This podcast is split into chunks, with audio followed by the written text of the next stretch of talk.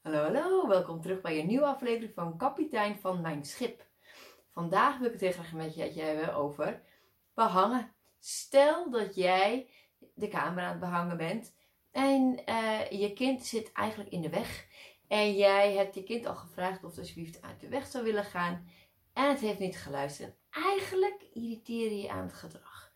Kennen we dat niet allemaal als ouders? Dat ons eigenlijk irriterend gedrag van een ander. En uh, dat je heel snel geneigd bent om dan te zeggen: klier, hoepel op, ga eens aan de kant. Of uh, ik ga toch ook niet uit de weg lopen als, uh, als jij ergens mee bezig bent.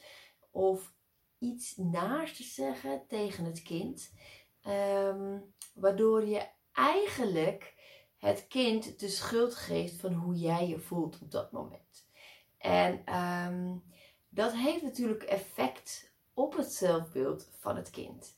En dat is niet zo positief, want het kind gaat aan zichzelf twijfelen. Je denkt echt, oh, als mama zegt ik ben een klier, dan ben ik een klier. Oh, dan ben ik echt heel slecht. En dan gaat het kind heel erg twijfelen aan zichzelf. En dat is natuurlijk niet iets wat je wil als ouder. Um, een alternatief zou kunnen zijn, wat je zou kunnen zeggen als je aan het bent en je wil graag opschieten, dat je zegt um, dat je begint met ik. Dat je de verantwoordelijkheid voor jouw gevoel ook houdt bij jezelf. Dat je bijvoorbeeld kunt zeggen: Ik vind het lastig dat je hier nu speelt, want dan kan ik niet opschieten.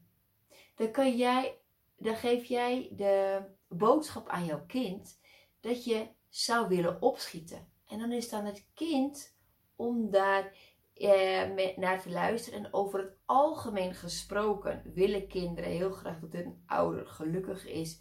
En over het algemeen gesproken zal een kind dan uh, sneller geneigd zijn om inderdaad de spullen op te pakken. Als je dan een alternatief geeft van zou je Swift in de kamer daarnaast kunnen spelen of een paar meter de andere kant op of wat in jouw geval dan ook maar uh, het geval is. In elk geval is natuurlijk weer anders. Um, maar ik een alternatief geef wat een kind zou kunnen doen. Dan weet het kind ook gelijk wat wel gewenst is. Dat is ook heel fijn om te, te weten voor een kind. Um, dus dat zijn um, dingen om op te letten als je je irriteert aan gedrag. Om te gaan praten vanuit de ik-boodschap. Zonder dus um, te gaan lopen beschuldigen. Um, een ander voorbeeld zou kunnen zijn: stel dat jij hebt afgesproken met je kind uh, dat het uit school komt om half vier en dat het meteen naar huis zou komen en dat je samen uh, bijvoorbeeld schoenen gaat kopen of kleren gaat kopen of cadeautjes gaat kopen, whatever. Je gaat samen naar de stad om uh, iets, iets te doen samen. En daar heb jij heel erg uh, naar uitgekeken eigenlijk. En vervolgens komt die kindje niet om half vier. En niet om half vijf. En niet om vijf uur. En dan vervolgens komt het binnen om half zes. Jij bent geïrriteerd als ouder. Je denkt echt, ja, ik heb daarop lopen, eh, lopen verheugen. En dan kom je gewoon helemaal niet opdagen. Dus het gedrag vind je eigenlijk helemaal niet fijn. Nou, hoe kun je dit soort dingen nu communiceren richting je kind zonder dat een kind gelijk Um, zonder dat de zelfwaarde van een kind, de eigenwaarde, wordt aangetast. Hou het ook in dit geval bij jezelf. Ik. Ik had me heel erg verheugd om samen naar de stad te kunnen gaan. Dus ik ben heel erg teleurgesteld dat je pas om half zes binnenkomt. Dan weet een kind wat iets met jou heeft gedaan dan mogen jouw gevoelens er ook zijn. En dat is ook heel erg belangrijk om ook gewoon te mogen benoemen. En dan weet een kind ook um, um, wat, iets, ja, wat iets met jou doet. Zodat een kind daarin de eigen verantwoordelijkheid kan nemen. En um, als jij als ouders zelf het voorbeeld hebt gegeven door je excuus aan te bieden als je iets niet goed hebt gedaan, als je dat als ouders zelf doet, dan zal een kind ook geneigd zijn in zo'n geval om te zeggen: Oh ja, sorry, het spijt me. En dan eventueel het uitleggen of wat dan ook, of een nieuwe afspraak maken of wat ook maar op dat moment speelt.